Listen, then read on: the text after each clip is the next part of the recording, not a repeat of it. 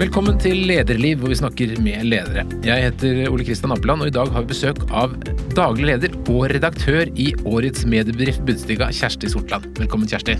Tusen takk for det. Det er veldig kult å være sjef i årets mediebedrift. Ja, det var moro. Jeg skal ikke si noe annet. Det er ikke sikkert alle har fått det med seg, da, men i mediebransjen vet man. Men hva innebærer det å bli årets mediebedrift? Det er jo en kåring nesten à la Idrettsgallaen, der en jury med tunge bransjefagfolk eh, utroper det mediehus de mener har levert best samlet sett i bransjen det året, eh, siste kalenderår. Eh, og da har denne juryen da, eh, for siste kalenderår bestemt at det skulle være Budstikka som fikk den prisen i år. Og dere har vært liksom sånn i nærheten tidligere? Ja, det er faktisk veldig spesielt at Budstikka har vært nominert. Dette var fjerde strake året på rad vi var nominert til den gjeveste prisen, og det er ganske spesielt. Og da er det i konkurranse med de beste? Da, eh, De tre andre nominerte i år, det var TV 2, NRK og Aftenposten. Og Budstikka. Det er veldig, veldig gøy. Det er ikke alle som vet hva Budstikka er, men det er altså lokalt mediehus for Asker og Bærum. Ja, Det er en rendyrka lokalavis. Eh, antagelig den mest rendyrka lokalavisen i sin størrelse i Norge. Og med det så mener jeg at du finner ingen utenriksside, innenriksside, innkjøpt NTB-stoff. Det er selvproduserte lokale nyheter omhandlende eh, det som skjer i Asker og Bærum, som er det vi produserer hver dag. Jeg må være ærlig til å si at Dette er jo min lokalavis, jeg leser Bustika hver dag med stor glede. Eh, men nå er det jo altså eh, Asker og Bærum har til sammen blitt 220 000 mennesker etter at uh, Asker la på seg litt ved, nyttår. Mm. Hvor mange av dem leser Bustika? Det er et litt mer skinkig spørsmål. Altfor få, må jo ja. jeg som medieleder si det. Eh, vi har et opplag på 21 000 abonnenter, mm. Eh, og så er det jo mange flere hvis du også tar med denne sagt frie lesning av de åpne nyhetene vi har på nett. Men, ehm, men, når det gjelder husstandsdekning, så finnes det aviser og områder i Norge som har større dekning enn Budstikka, så vi tror vi har vekstpotensialet, mm. og har jo tenkt å forsøke å utnytte også det momentet at vi får et kvalitetsstempel Eh, fra en jury nå eh, til å vise fram hva vi driver med, og prøve å få enda flere kunder. Det vil vi jo veldig gjerne ha. Og det er jo en klippe i lokalsamfunnet. Dere har holdt på siden 1898. Ja. Eh, du har vært der siden 2013 som mm. redaktør, og så ble du daglig leder også i år. Mm. Hvorfor ble du begge deler? Det var en eh, utvikling over tid der vi trengte å spisse den operative ledelsen av eh, flere døtre i vårt lille konsern på Billingstadsletta i Aske. Så, så det var en utvikling der jeg har lært meg avisdrift og var i stand til å aksle den trøya nå, det er det ene. Men også at tidligere administrerende i Budstikka da ble konsernsjef og fikk ansvaret for flere andre døtre også. Mm. Så det var en omstrukturering av vårt lille konsern eh, som sammenfalt med at jeg også har tatt en eh, toårig etterutdannelse på Handelshøyskolen for å kunne eh, lære meg å bli en enda bedre eh, daglig leder også. Så det, det sammenfalt litt i tid eh, at det passa sånn å gjøre det fra nyttår. Du kom til Bustika fra, fra, VG. Var det dette du da så for deg? At du skulle bli en leder for eh, Norges beste mediehus? Det var jo målsetningen, det må jeg jo tilstå. Altså, man, man, går til verket med en innstilling om at hvorfor skal ikke vi lage Norges beste avisprodukt? Selvfølgelig skal vi det. Hvis ikke du har den holdningen som leder, eh, da syns ikke jeg du skal være leder. Um, og dette er kanskje en kultur og en tankegang jeg har fått med meg da fra 22 år i VG. Selvsagt går vi til verket hver dag for å være best. Mm. Uh, det ligger liksom i DNA-et mitt etter at jeg har jobba så lenge i VG. Uh, og det var jo noe jeg tok med meg inn i Budstikka. Um, så du, du, vil lage en prestasjonskultur? Ja. ja. Hva er nøkkelen for å få til en prestasjonskultur? Det er flere ting. Da, da, må vi snakke litt lenger om akkurat. Ja, ja. det eh, for, for, det, for, det, ene er jo å legge, være god til å legge lista høyt og, og si vi skal hoppe over her. Eh, men da må du gi folk noen nær sagt, krykker og redskaper på veien for å vise hvordan vi skal komme over. Eh, og, og, og, historien da, eh, disse årene i Budstikka, det er at vi først måtte definere veldig nøye hvem er det vi skal være god for hvem er det vi skriver, hvem er det vi skal ha som kunde i et lokalt mediehus. Og så identifisere veldig nøye ja, men hva er det da som er viktig for disse menneskene. Denne tankegangen sammenfaller jo da i tid med at vi har for store kostnader i, i avis i forhold til de inntektene vi har. Mm. Da må vi altså parallelt med den prosessen å lage en strategi for hvem er det vi skal være gode for, og hva er det disse menneskene vil ha, så må vi nedbemanne. Vi må bli færre journalister i avishuset. For kostnader i avishus det er veldig ofte knytta til mennesket. Så mens vi nedbemanner bedriften i to store omganger i 2014 og 2016, så spisser vi hvem skal vi være gode for? Og det du som leder da overhodet ikke kan gjøre, det er jo å smøre tynt over og si alle skal bare løpe fortere. Skal litt, alle skal gjøre enda litt mer av alt, så blir dette bra. Eh, da handler det om å velge vekk noen ting. Budstikka har veldig tydelig valgt vekk ting som var i avisen før, for å spisse seg for å være god på fire-fem ting som vi mener er store i folks eh, nære hverdagsliv. Og der skal vi virkelig være gode. Oppvekst f.eks. er et eh, stoffområde i lokalavis som vi skal eie. Vi skal være best i Norge på å levere relevant innhold som du som mor og far og som har noen du er glad i, for at du skal kunne orientere deg. Så, så, så det handler mye om å spisse, og, og så få, få få en samtale for meg som leder da, med de ansatte om hva er det vi skal være gode på, hvorfor, og hvordan blir vi best. Mm. Hva skal til for at vi leverer best? Hvordan må vi jobbe da? Hvordan må vi planlegge? Hvor må vi være? Hvilke lytteposter skal vi ha? Og hvordan skal vi lage denne journalistikken som den treffer? Og hvor ofte skal vi ha den på førstesida? Dette har vi jobba knallhardt med i fire-fem år. Eh, til det nå syns, tror jeg, eh, at eh, alle ser hvilke stolper Bustika har, og at vi er ganske gode til å levere på saker som er bredt interessante. Oppvekst, skole, samferdsel, jobbpendling. Temaer som er store i folks liv. Lokale utbygginger. Næringsliv, handel og lokal sport. Og da breddesport særlig. Så, um, så, så, slik har vi tenkt. Så det handler ikke bare om å gå inn og være freidig og si hei, hei, folkens, vi skal være best. Du må også som leder nær sagt vise Gi mennesket noen krykker for hvordan vi skal komme oss dit. Men Hvor stor andel av redaksjonen har du kuttet siden du begynte? Veldig mange. altså Fra 2012, Jeg kom inn i 2013. Den første nedbemanningen var i 2012. Eh, fra 2012 til i dag så er Bustikas ansatte halvert. Det var 130, nå er vi under 50. Så det å gå og si vi skal bli best, her skal vi alt mye bedre, og halvparten skal slutte, det er jo ganske komplisert budskap? Ja, ja. Uh, og, det er det som gjør meg så glad for denne prisen. og Jeg ja. mener vi har bevist at det faktisk går an. Uh, tøffe tider kan alle ledere møte i sine bransjer. Tøffe tider vil komme av og til. Da gjelder det å, spisse, å sette liksom leseren og kunden midt på bordet i redaksjonslokalet. Da. Hvem er leseren vår? Uh, hva skal vi gjøre for han eller henne? Eh, og så kan vi likevel bestemme, hvis vi tror at det og det og det er viktigst for kunden vår, skal vi være rågode på det, og så får vi heller velge vekk litt sånn stæsjet. Mm. eh, og, og, og, det som er nice to have. For vi må levere godt på melk og brød til kunden. Og, og det er egentlig det som gjør meg så glad, at vi faktisk har klart de to vanskelige Det betyr ikke at det ikke har vært tøffe runder og vanskeligheter underveis, hos oss som hos alle andre. Men, eh, men akkurat det eh, opplever vi å ha klart. Men hvordan klarer man å holde det fokuset samtidig som man skal nedbemanne? For det, det, det må jo legge en veldig sånn demper på stemningen i organisasjonen når halvparten skal slutte? Det er kanskje litt spesielt med avis at nyhetene må jo ut. Uh, altså, vi skal levere produkter hver time på døgnet. Altså, artiklene skal ut, avisen må lages. Uh, og det å ha en plan og en form på det og en retning, og, og, og, at vi sammen altså Det var jo ikke jeg som leder alene som meisla ut disse stoffområdene. Eh, jeg la noen retninger, og så hadde vi en involvering der de ansatte var med og fikk være med og eh, diskutere nøyaktig hvordan kommer vi dit, sånn at vi følte vi la den planen sammen. Det tror jeg jo er avgjørende. Involvering og motivasjon henger jo sammen, og det mm. må til. Men, ehm, men, jeg tror altså Mennesker som skal prestere og levere hele tiden, det er jo godt at vi når vi står i vanskelige ting og har drøftinger på det, hvordan får vi til dette med, med, med frivillige ordninger, og det har vi heldigvis klart. Vi har ikke hatt oppsigelser i Budstikka i denne mm. perioden. Eh, så er det likevel godt for fagfolk å snakke fag. Hvordan er vi så gode som mulig mens vi jobber med dette andre, som er vanskelig for oss som jobber her. Mm. Men det å ha kundefokus Leseren er veldig konkret for alle som jobber i avis. Det er en person vi bryr oss om mm. og snakker mye om.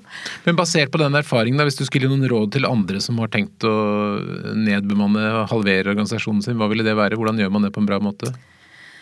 Eh, da vil jeg si at jeg har lært veldig mye av eh, en god leder i Budstikka som heter Terje Tandberg. Han hadde bidratt i årene før jeg kom, sammen med tillitsvalgte, vel å merke, til en god kultur der vi faktisk setter oss ned og bruker ørene i drøftinger. Vi reelt lytter til hverandre. Når eh, vi som administrasjon i Budstikka og de tillitsvalgte hadde drøftinger, så var vi enige om hvor, kost, altså, hvor, langt ned kostnadene måtte, hvor, hvor, mye vi måtte kutte. Men nøyaktig hvordan vi kom dit, det har jo ikke administrasjonen så mange eh, sterke meninger om, bare vi kommer dit. Eh, altså, man har jo meninger om det, men vi er iallfall villige til å diskutere hvordan løsningen skal være. Og da, Hvis man har den kulturen, og det er kanskje litt sjeldent i et avishus, der det ofte er sterke fagforeninger og litt mer sånn alt er en kamp, og man er ikke så god til å lytte til hverandre. Eh, det fine med kulturen i Budstikka, som også var der når jeg kom, det er at eh, når vi bruker ørene i forhandlinger, så kan også f.eks. ansatte komme med forslag som administrasjonen aldri kan foreslå. Det som skjedde i den siste store nedbemanningsrunden vår i 2016, det var at vi mangla størrelsesorden ett årsverk i årlige kostnader på å komme dit vi var enige om at vi måtte. Da kom, eh, I tredje møte så kom de tillitsvalgte til forhandlingsbordet med et forslag om at alle ansatte fryser lønna si i x antall år. Da oppnår vi den kostnadskutten vi skulle fram til, men det er noe jeg som administrerende administrerende f.eks. aldri kunne ha foreslått. Eh, da det å ha den kulturen der, der man eh, lytter til hverandre og reelt leter etter løsninger, og ikke bare har drøftingsmøter for å ha det, slik jeg har inntrykk av Altså, vi har bestemt, og sånn blir det. Samme hva du sier. Det er ofte sånn det blir litt proforma mange steder. Ja. ja, det er mitt inntrykk at de stedene der går galt, noen ganger så handler det om det. At man faktisk ikke har reelle drøftinger. Den kulturen setter jeg veldig pris på. Den mener jeg for hele bedriften og både ansatte og administrasjon er det man må etterstrebe. Mm. Eh, så det, det, er et av de liksom, momentene i mitt lederliv jeg virkelig husker. At de ansatte kom med en veldig god løsning som gjør at den siste journalisten ble og jobber der fortsatt. Det er bra. Ja. Men nå har vi hørt denne historien om, om, eh, Google og Facebook som har tatt alle pengene, og medier som må nedbemanne i ganske mange år. Men er vi liksom nå ved et bunnpunkt? Har det flata seg ut? Begynner veksten? Begynner, eh, blir det happy days igjen i media?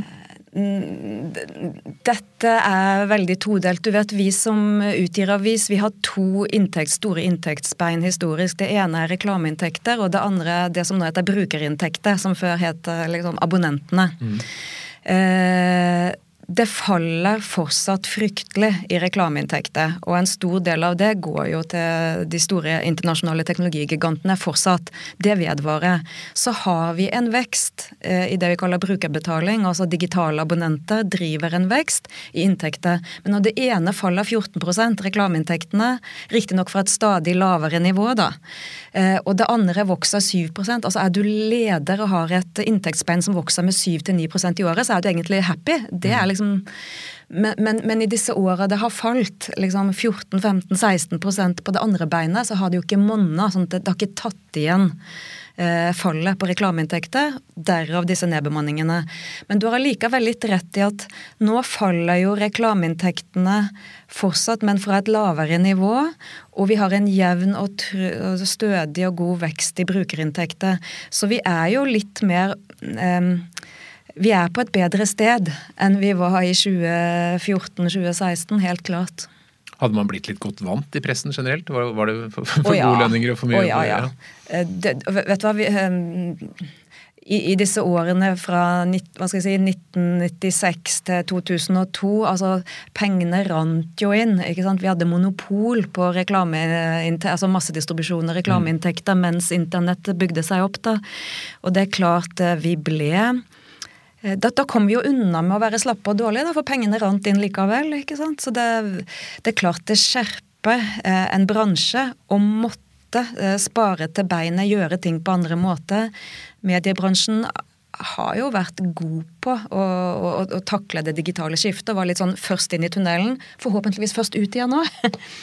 men, eh, men, eh, men, ja, det men, men jeg har jo ikke lyst til å si det var kjempefint at dette kom, for det har vært tøffe tak. Og det fins ikke for mange journalister i verken lokalavis eller andre steder.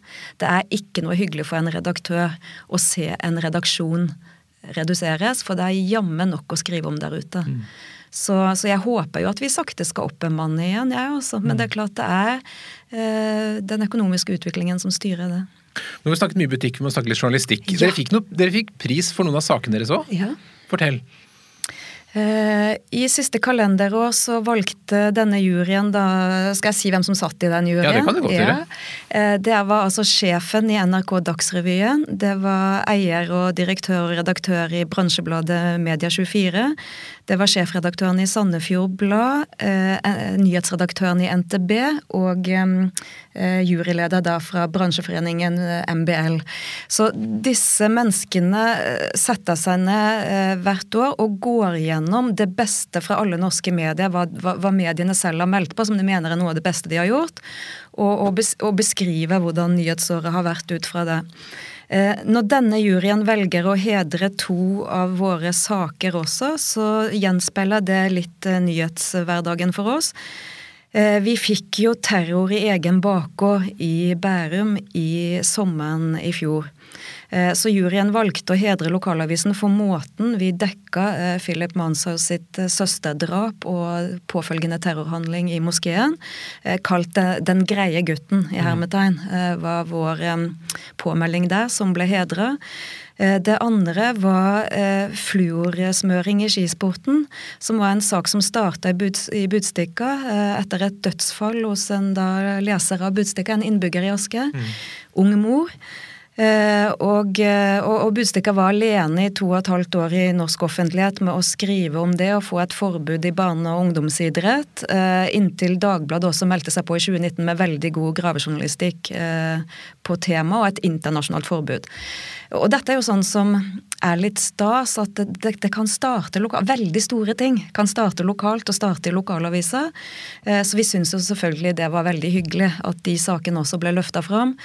Men eh, hvis jeg skal være helt ærlig som leder, så er det jo det at å, å, å bli hedra for det fellesskapet har levert i markedet i et år, det, det finnes nesten ikke noe større for en leder enn det, syns jeg, da.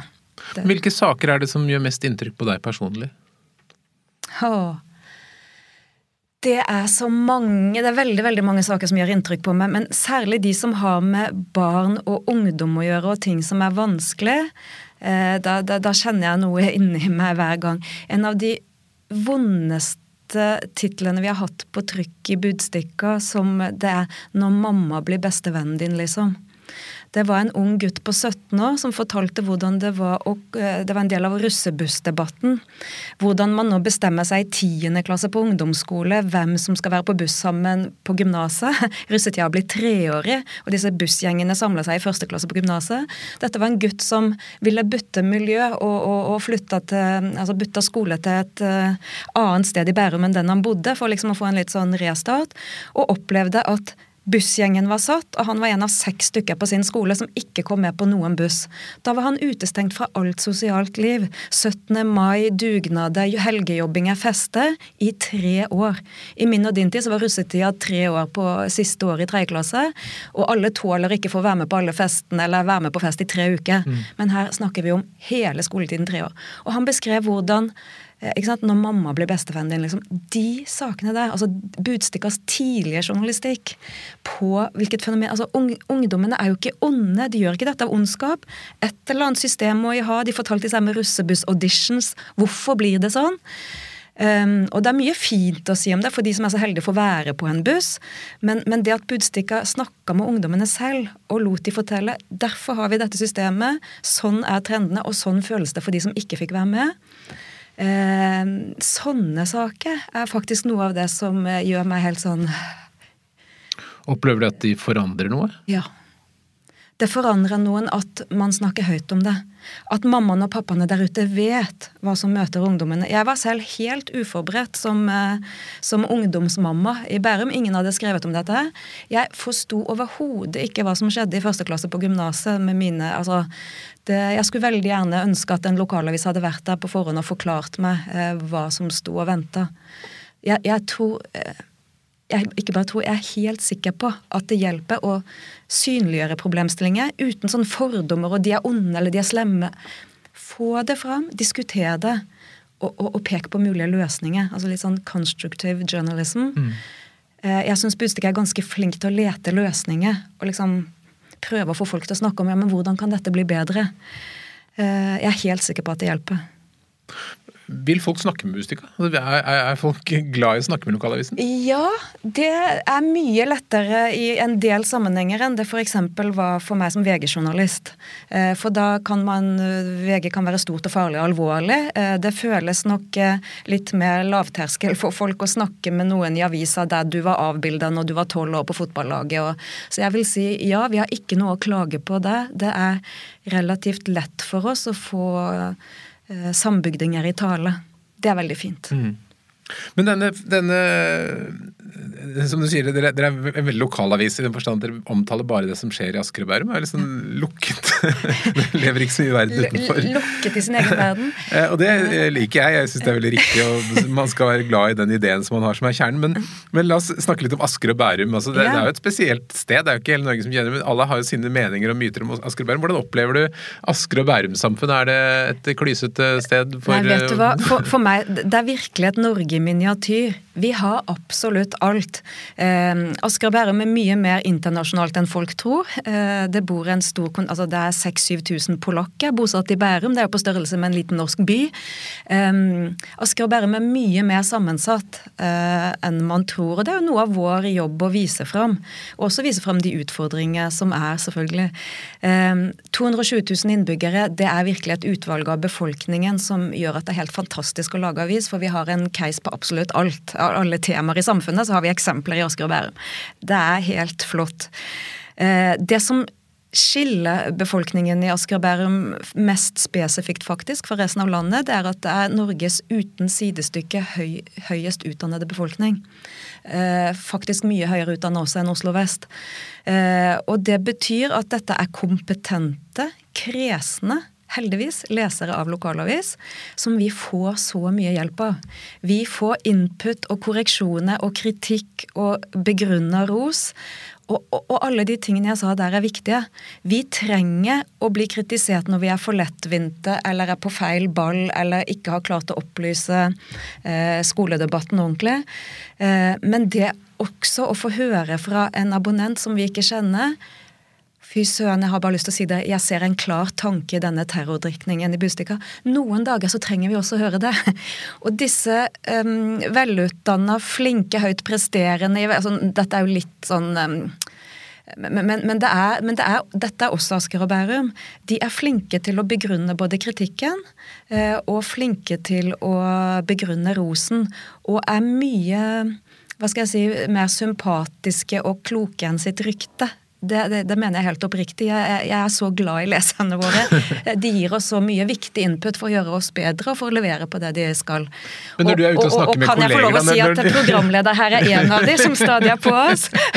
men, men det, når du er ute og møter da kolleger f.eks. På, på prisutdeling i, i MBL, da, ja. Eh, og du, de vet at du kommer fra Asker og Bærum, er det mye, opplever du at de har en forståelse fra hva Asker og Bærum er, eller er du preget veldig mye av fordommer?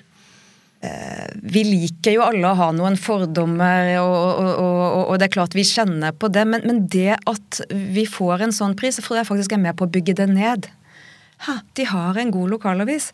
Eh, det at man kjenner litt på den stoltheten altså, Vi satte inn noen annonser i Dagens Næringsliv og Aftenposten og vi vant denne prisen liksom for å profilere oss og bare vise. og da kom det, Jeg var på en eh, kulturtilstelning i Bærum kulturhus forrige uke. og Da kom det ukjente mennesker bort til meg og sa at liksom Jeg ble så stolt ja, når jeg så i Dagens Næringsliv at eh, vi har den beste lokalavisa. Altså, da, da, da, blir jo jeg glad, for da, da bygger vi ned litt for fordommer og oppstolthet.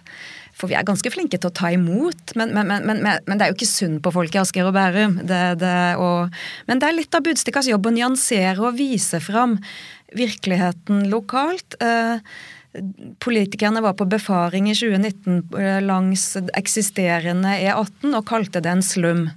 Budstikka må være der og vise det NRK Dagsrevyen av en eller annen grunn ikke velger å vise fram, er veldig viktig at Budstikka gjør den jobben. Ja, for det er som du sier, det er ingen som syns synd på Asker og Bærum? Nei, det er liksom nasjonalt? litt eh, det er, det er definert litt i fordomland. Sånn, liksom, det er toppen av næringskjeden. Det er ikke lov å det er, ikke, det, er lov å sparke oppover i Norge, ikke sant, Mm. og ikke lov å sparke ned. Og Asker og Bærum er definert som opp. Men det bildet er jo, som vi vet, veldig nyansert. Blant 220 000 mennesker så fins det alle slag der som alle andre steder. Mm. Eh, og det er jo vår jobb er å ikke gå i Um, altså Skyttergrava og, og bokse og forsvare altså Vår jobb er å stille og rolig vise det fram. Vise mangfoldet, ta debatten helt sånn saklig. Ja, men hva er dette fenomenet for noe? Hvordan kan ungdomstida bli bedre eh, for flere? Eh, og ikke liksom ikke være politisert. Altså, jeg er veldig forsvarer av den der redigerte offentlige debatten som leter etter løsninger mer enn å skyte ned og bygge opp fordommer. Altså, det, jeg mener vi har en veldig veldig viktig jobb. Viktigere og viktigere i den store polariseringen vi ellers ser. Dem mot oss. eh, eh, By og land. Det er så feil. Asker og Bærum er heldigvis både by og land, da. Vi, vi, vi har alt der òg. Det blir enda mer land når Asker har lagt på seg Ja, utover ja, mot ja. eh, Hurumlandet. Men uh, du nevnte at du har engasjerte lesere og skriver leserinnlegg, og det er masse, masse Mm. leserinnlegg i Bustika. Hva er det som virkelig får Asker og Bærumsfolket til å fyres opp? Når er det mailboksen blir full av innlegg? Eh, det, det er litt forskjellige ting, men eh, det er klart hver gang det er valg, lokalvalg eller stortingsvalg, da er det helt voldsomt. Eh, heldigvis stort lokalt politisk engasjement. Eh, men til vanlig så vil jeg si det er de der vanlige, vanskelige tingene i folks liv, som eh, nasking og stjeling på senteret, eh, breddeidrett, hvem, hvem skal inn og ut av laget, og hvilke regler skal vi ha? Em, det er debattene nå om em, Vi har jo en veldig god debatt gående nå. Fylkesrådet skal i morgen avgjøre om det skal være et nærskoleprinsipp i hvilken fylke, eller om det skal være som det har vært de siste veldig mange år, at det er fritt skolevalg for elevene. Eh, Vi har en kjempegod eh, elevdebatt eh, nå, der elever og foreldre der vi bor, da, vil forsvare det at elevenes frie valg av hvilken skole de vil gå på. Eh, Så det er de brede temaene samferdsel, jobbpendling, sykling. Sykling til jobben. Syklistene er glad i å skrive innlegg. Oh, ja, ja, ja. Så, men det, altså, dette liker jo jeg som lokalavis. Altså, det er de nære ting i hverdagen til folk. Det er der vi skal være gode. Det er der vi kan skille oss fra hva Aftenposten skriver om, og hva VG skriver om, og hva Nasjonen og liksom eh, spissa nisjeblader skriver om. Når du skal dekke alt mulig som skjer i disse store kommunene, og har puttet inn i, gjennom redaksjonen med ganske få mennesker og få ut aviser eller nyheter hele tiden, hvordan eh, organiserer du dagen og altså hverdagen din? Min lederhverdag altså jeg, jeg er veldig nøye på at jeg skal ha eh, Når det gjelder eh, avisproduktene, da, den delen av jobben så, som redaktør, så er jeg veldig eh, opptatt av å få sette fingeravtrykket mitt, altså faktisk være med å styre nyhetene i forkant, før dere er ute. Det handler dels om å unngå feil og etiske blemmer og Altså, jeg er veldig for å være der i forkant, og ikke bare i etterkant. Så jeg har en daglig samling etter alle nyhetsavdelingene sine morgenmøter. Så er jeg med på et eh, møte som holdes hver dag kvart på ni til ni. Der vi bare, altså, hva er de to store tingene vi virkelig skal være gode på i dag? Eh, og, og, og, og hvordan får vi det til også å bli et godt oppslag i papir i morgen? Et kvarter der er jeg er med å legge føringer på hvilke saker vi går for blant det utvalget vi har fra morgenmøtene. Eh, Det er det ene. Så har vi noe som heter overleveringsmøte klokka halv to. Nei, unnskyld, halv tre. Eh, Det er dagskiftet som overleverer til kveldsskiftet, men der vi lander ting.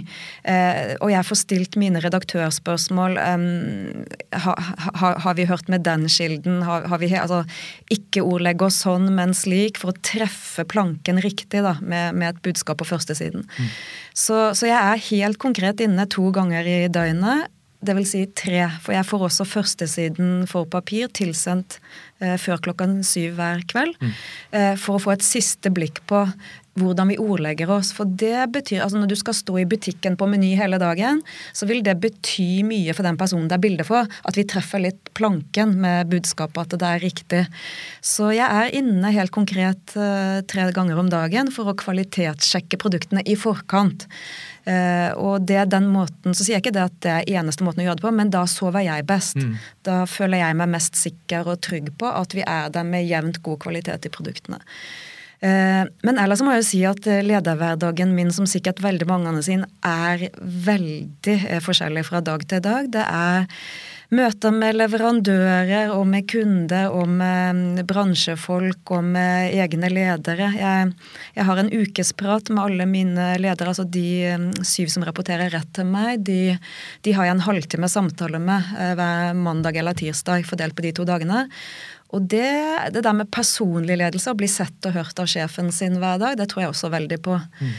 Um, men ellers så er jo dagene heseblesende veldig mye forskjellig. Det, utover det jeg har sagt nå, så syns jeg hver dag uh, tar deg litt på sin ja, helt spesielle måte. Hva ville du gjort hvis du, noen hadde gitt deg en time ekstra hver dag? Hva ville du brukt den til? hørt mer på og sett mer på hva andre gjør. Altså jeg tror det, altså Alle som lever av å skrive, eller å komme med et budskap, lever av å mene, som jeg gjør. Vi skriver jo daglige lederartikler i Budstikker. Eh, trenger input. Trenger å lese, vite hva andre gjør som er bra. Eh, lære av de beste. Lese mye. Mm. Så jeg ville nok brukt en time ekstra på å lese mer. Mm. Det... Men du sier du er inne og gjør journalistiske vurderinger flere ganger i løpet av dagen. Hva er de vanligste dilemmaene som du må da håndtere? Eh, det vanligste dilemmaet er jo ofte at eh, altså, manglende tilgang til informasjon eller mennesker som ikke vil stå fram. Altså, hvordan borer vi oss til at vi kommer liksom, nærest mulig det sanne, riktige kjernen av en sak? Mm. Det handler mye om å pushe på der, og litt sånn kildekreativitet i hvordan kommer vi til målet. Uh, når det gjelder Ordet har jeg ikke hørt før. Jeg har Kildekritikk, men kildekreativitet har jeg ikke ja. hørt før. Det var et morsomt ord. Ja. Jo, men det, det, det, det, er jo det du må være. Ja. Eh, det hva var, Nå glemte jeg spørsmålet. Dilemmaer. ja.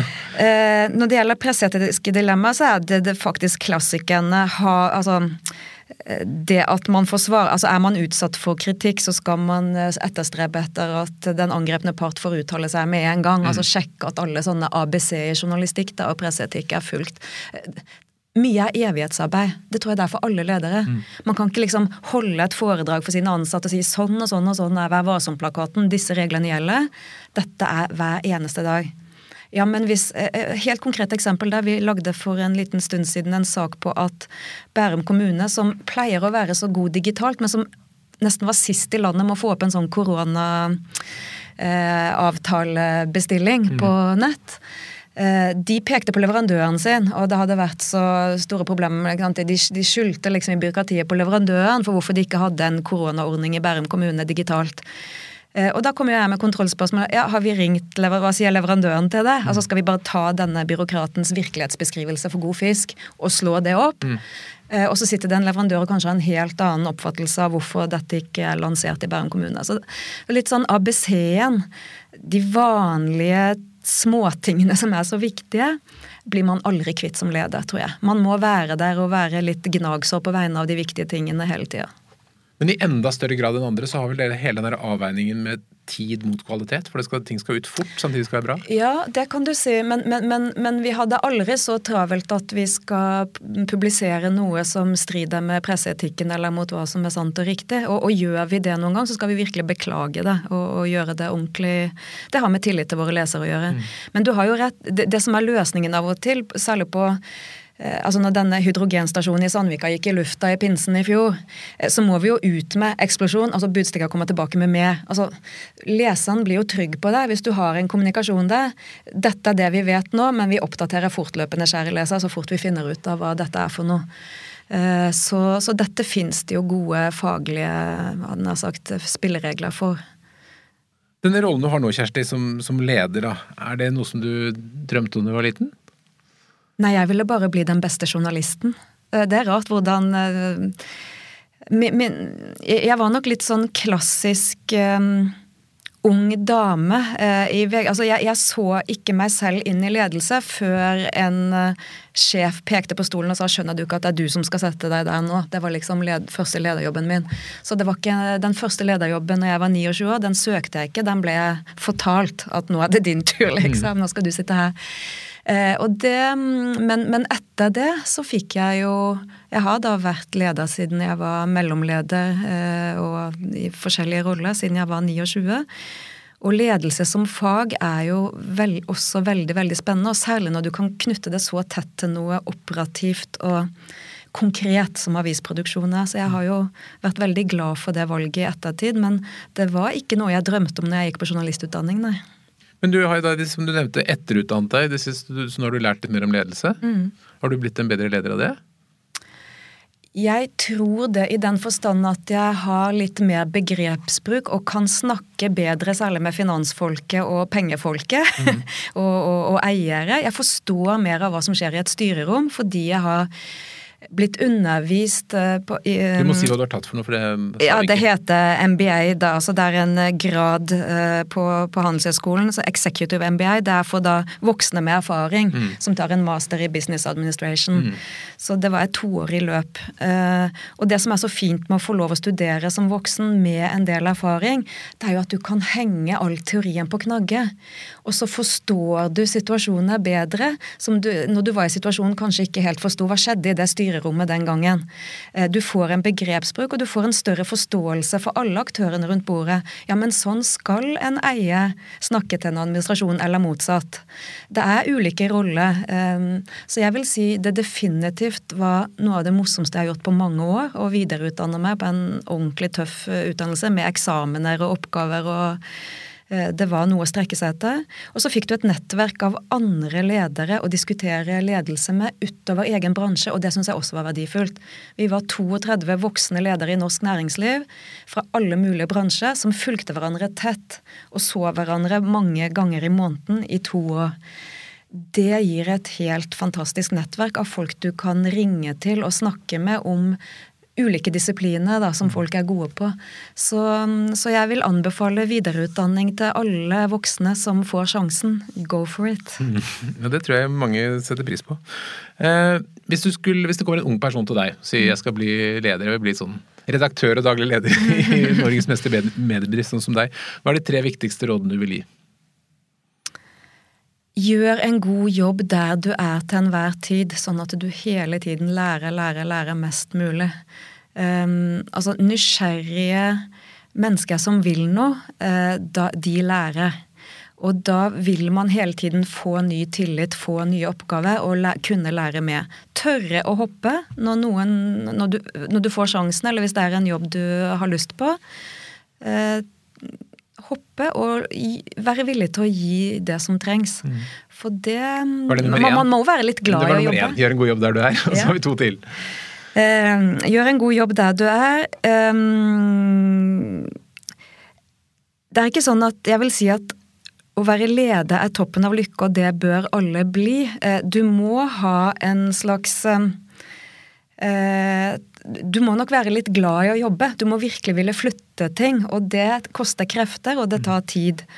Det som er fint med å være leder, er jo at du lærer så Det er så utrolig selvutviklende. For noen holder opp et speil for deg hele tiden som du er nødt til å se inn i. Når du gjør sånn, så vil noen reagere, og du er nødt Du lærer utrolig mye om hvordan mennesker virker, og du selv virker, men du må tåle å se det speilet. Så det er egentlig min nummer to. Tenk, altså, prøv det. Mm. Eh, og hvis du liker det, hvis du evner å se i det speilet og justere etter det, så skal du fortsette. Men hvis du syns det er vondt og ubehagelig og ikke har lyst til å se i det speilet, som vil bli holdt opp for deg, så skal du kanskje gjøre noe annet og bli den beste fagpersonen isteden. Og nummer tre? Nummer tre eh,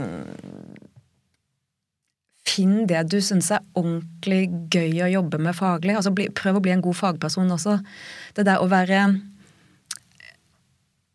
å tro at leder er en spesial... Altså at, alle, altså at man kan lede absolutt alt, uh, det tror ikke jeg helt på. Jeg tror det hjelper, kanskje særlig i kreative yrker. Uh, men jeg har jo sett politiledere òg. Det, er de som kommer inn med en teoretisk tilnærming til altså, lykkes dårligere enn de som har gått patrulje på gata sjøl og vært i Afghanistan. Og liksom, altså, um, kan du yrke 360, uh, så kan du snakke med alle folka dine på en måte som blir forstått. Jeg tror ikke det gjør noe å ha ganske god erfaring før man blir leder, og har lært seg et uh, yrke det har du selv, vært ute en vinternatt sjæl, som det mm. heter. I ganske mange operative kreativ og kreative yrker så tror jeg faktisk det er en fordel at ledere er også er gode, blir ansett som gode på fag, eller tilstrekkelig gode på fag. Men, eh, men, men, dette er jo tanker og synspunkter det går an å være uenig i. Altså, det, er det, er bare sånne refleksjoner jeg har gjort meg. Ja, det var gode tanker. Kan dere bli Årets mediebrist flere ganger? Ja, det har da både VG og eh, NRK og flere andre, tror jeg, blitt. historisk sett. Ser vi det på pallen neste år? Jeg, jeg, håper vi, vi, skal prøve å kjempe om noe. Jeg syns jo Budstikka har vært ganske god til å dekke mm, koronasituasjonen på Vallahjemmet og fire ledere på tre uker. Mm. når det sto på alle 34 døde i Bærum på kort tid. Mm. Um, lokalavisa er det å forklare deg hvorfor det skjer, og hvorfor vi har så mange smitta, og hvordan så mange eldre kunne dø på våre sykehjem. Um, så vi har tenkt å melde oss på, og vi har tenkt å begrunne hva vi gjorde for befolkningen. Men eh, mange norske aviser og medier var veldig gode under koronadekninga da, syns jeg. Så det blir tøff konkurranse. Men at vi skal være der og melde oss på, det kan du stole på. Jeg ønsker deg lykke til. Tusen takk for at du kom til Lederliv, Kjersti Sortland. Eh, vi skal bare avslutte med å si at eh, Lederliv lages av Lars Charlie Melum, Lars Bolden, Ellen Paulsen og meg, som heter Ole Kristian Oppland. Hvis du har noen synspunkter, så kan du gå inn på nettsiden vår lederliv.no. Der er det en adresse man kan komme med tips og innspill og ideer. Takk for at du lytter. Ha det bra.